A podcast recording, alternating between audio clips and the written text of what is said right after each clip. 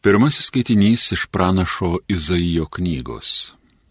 Kelkis, nušviski Zijono kalnę, nes tavo šviesa jau ateina ir viešpatie šlovė ant tave suspindi. Žemė štai sutemos gaubę, tautas tamsybė dar dengia, tačiau virš tavęs viešpats jau spindi, tau jo šlovė apsireiškia. Tautos keliaus prie tavosios šviesos, karaliai prie tau užtekėjusio spindesio. Pakelki akis, pažvelki aplinkui. Visi štai renkasi pas tave keliauti. Tavo sūnus atvyks iš toli, tavo dukros ant rankų bus nešamos. Tada tu dairysies ir spinduliuosi, širdis tau iš džiaugsmo virpės ir ims plėstis, nes plauks į tave jūros turtai, suplūs pas tave tautų lobiai. Apguls tave kupranugarių daugybė, Midijano ir Efos vienkupriai. Atvyks visi iš sabos, auksų ir smilkalais nešinė, skelbdami šlovinguosius viešpaties darbus. Tai Dievo žodis.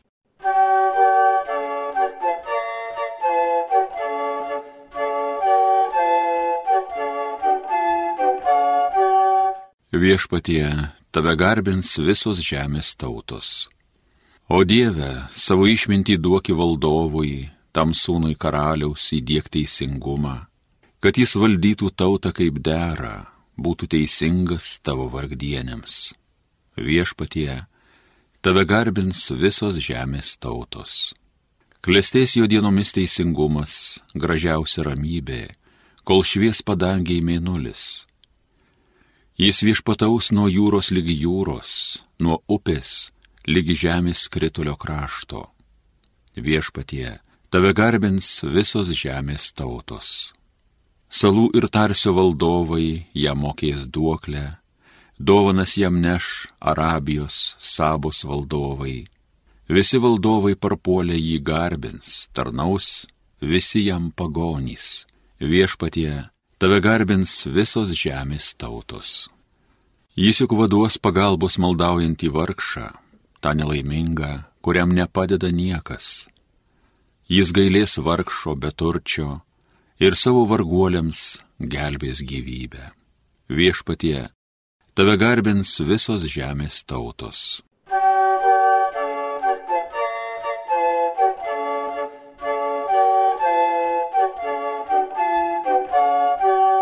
Antrasis skaitinys iš Šventojo Paštalo Pauliaus laiško Efeziečiams. Broliai, jūs esate girdėję, kokia malonės tarnyba Dievo man suteikta jūsų labui.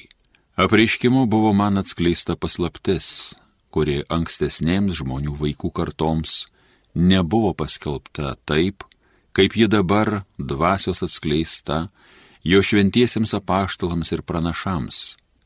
Pagonys, kartu su žydais yra paveldėtojai, vieno kūno nariai ir dalininkai pažado Kristuje Jėzuje per Evangeliją. Tai Dievo žodis. Alleluja. Alleluja. Alleluja. Alleluja. Mes matėme užtekant jo žvaigždę ir atvykome jo pagarbinti. Alleluja, alleluja, alleluja. Pasiklausykite Šventojios Evangelijos pagal Matą. Jėzui gimus judėjos Betliejuje karaliaus Erodo dienomis, štai atkeliavo į Jeruzalę išminčiai iš rytų šalies ir klausinėjo, kur yra gimusi žydų karalius. Mes matėme užtekant jo žvaigždę ir atvykome jo pagarbinti. Tai išgirdęs karalius Erodas apstulbo, o su juo ir visa Jeruzalė. Jis susikvietė visus tautos aukštuosius kunigus bei rašto aiškintojus ir teiravosi, kur turėjęs gimti mesijas. Tie jam atsakė, judėjos Betliejuje, nes pranašas yra parašęs. Ir tu judo žemės Betliejau, anaip tol nesi menkiausias tarp garsiųjų judo miestų nes iš tavęs išeis vadas, kuris ganys mano tautą Izraelį. Tuomet Erodas, slapčia pasikvietęs išminčius, smulkiai juos išklausinėjo apie žvaigždės pasirodymo metą Ir siūsdamas į Betliejų tarė, keliaukite ir viską sužinokite apie kūdikį. Radę praneškite man, kad ir aš nuvykęs jį pagarbinčiau. Išklausę karaliaus, išminčiai leidosi kelionin. Ir štai žvaigždė, kurią jie buvo matę užtekant, traukė pirma, kol sustojo ties ta vieta, kur buvo kūdikis. Išvykę žvaigždę, jie be galo džiaugiasi. Įžengę į namus, pamatė kūdikį su motina Marija ir parpuolę ant žemės jį pagarbino. Paskui jie atidarė savo brangenybių dėžutes ir davė jam dovanų - aukso, smilkalų ir miros. Sapne įspėti nebegrįžti pas Erodą, jie kitų kelių pasuko į savo kraštą. Girdėjote viešpaties žodį.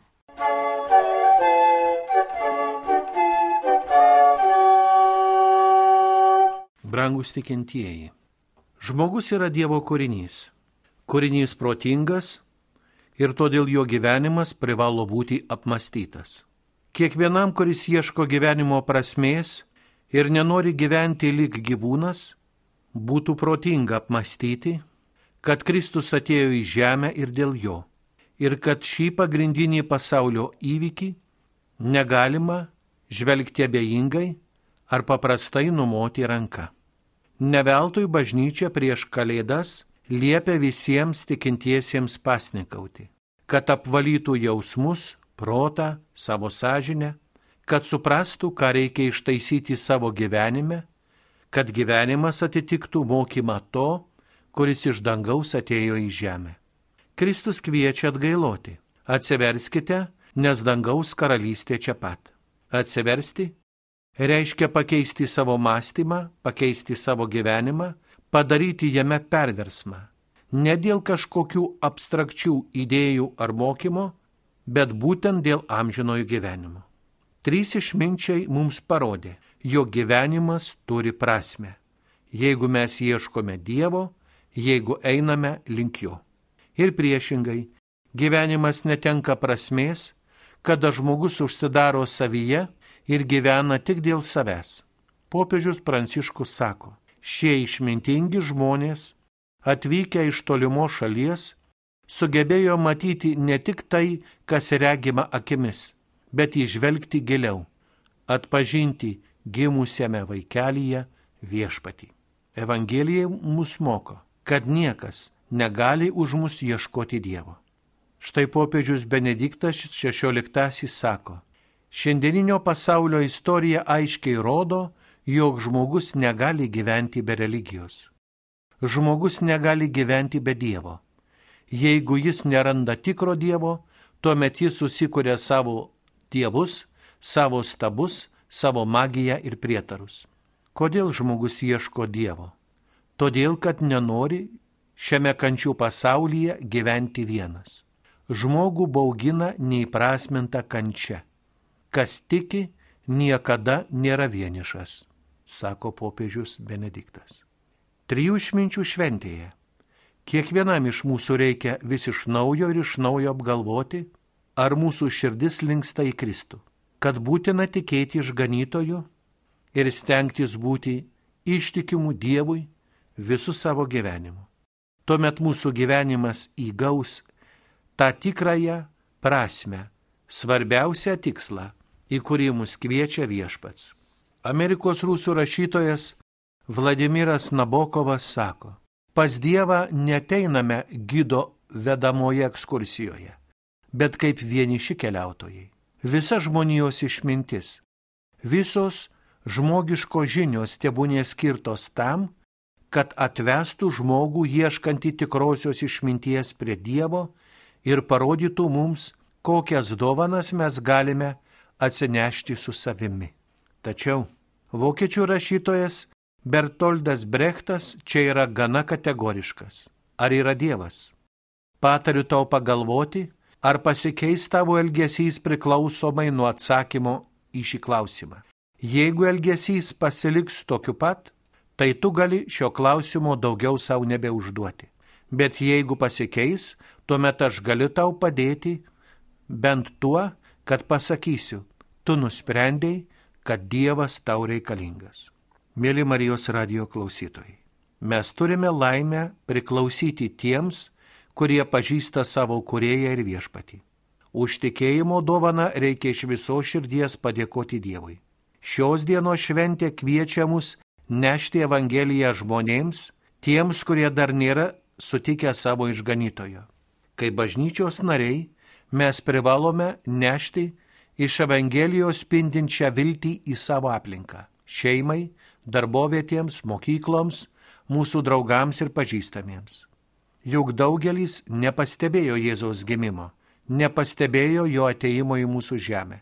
Kaip sako vienas šių laikų teologas, jeigu mes šiandien išgirstume, kad gimė išganytojas, ar eitume pas jį? Mes geriausiu atveju pažiūrėtume trumpą vakaro žinių reportažą apie tai, kaip ėdžiose gimė vaikelis. Bet ar tai paskatintų mus padėti į šalį televizoriaus pultelį ir atsistoti iš fotelio? Šiandieninis žmogus yra dvasiniams dalykams abejingas. Kodėl taip yra? Mums atsakymą duoda popiežius Pranciškus sakydamas, jog dažnai Dievą žmogus laiko konkurentu. Erodas tai valdžios trokštantis žmogus, kuriam visi kiti tik varžovai, kuriuos reikia sunaikinti. Net ir Dievas jam varžovas ir dargi labai pavojingas varžovas, nes toja jam ant kelio neleidžia daryti, ką nori. Ir mes turime savęs pačių paklausti, kiek to erodo yra mumyse. Gal ir mums Dievas yra varžovas ir priešas, neleidžiantis daryti, ką norime. Jei Dievą šitaip suvoksime, tikrai būsime nepatenkinti gyvenimu ir nelaimingi. Reikia mesti lauk tokią Dievo sampratą, pasak kurios jis tik kliūtis mūsų laisviai. Dievas yra meilė ir tik jis vienas, nieko iš mūsų netimdamas, leidžia mums pajusti gyvenimo pilnatvę ir tikrą džiaugsmą. Tas, kuris ryštasi ieškoti Dievo, turi būti pasiruošę susidurti su blogio kliūtimis. Būti krikščionių tai reiškia kovoti su erodo pasauliu. Brangieji, labai saugokimės, kad ir mes nebūtume ta abejinga ir net priešinga viešpačių Jeruzalė. Juk neretai tiek savyje, tiek kituose pajuntame širdies ir proto nutolimą.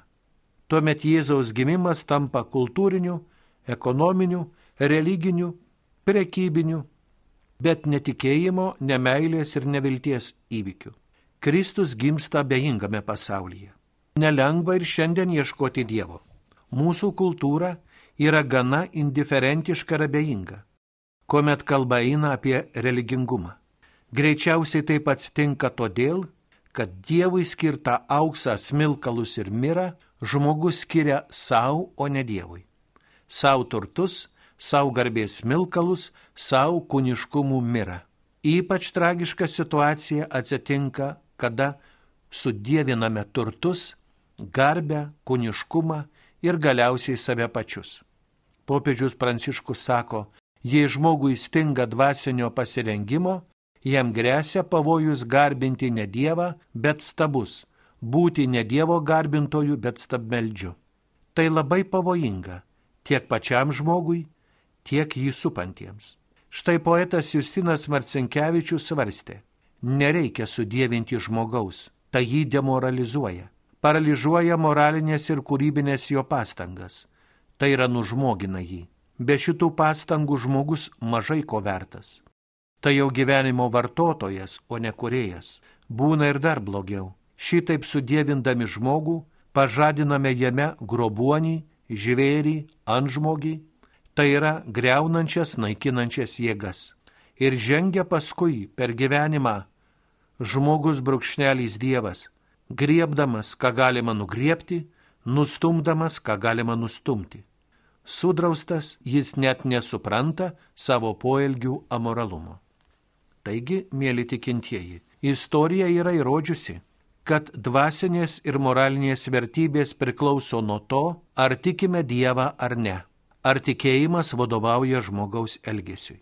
Jeigu paneigiamas Dievas ir jo paliktas moralinis įstatymas, tada nebelieka absoliučių pareigų ir žmogaus teisių.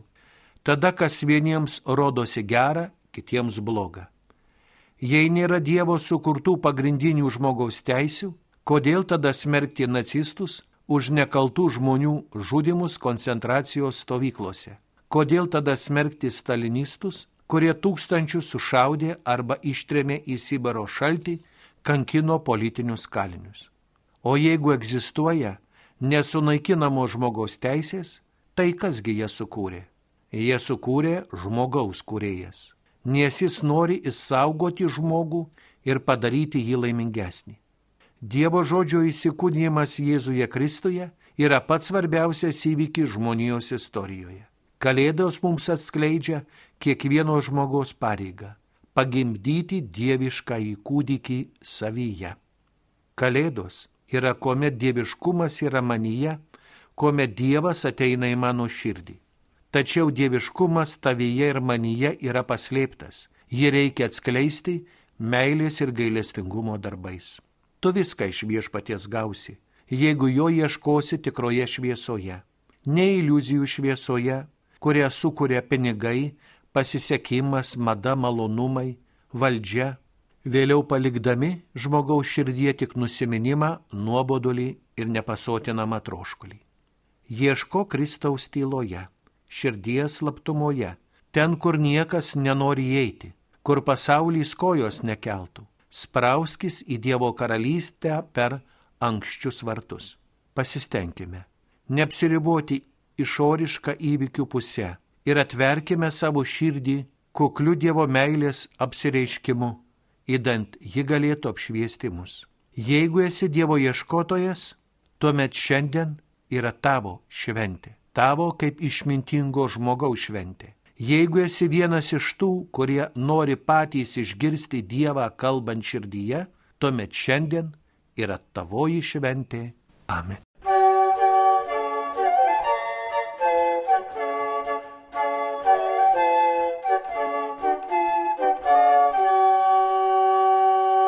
Homilija sakė teologijos mokslų daktaras monsinjoras Artūras Jėgelavičius.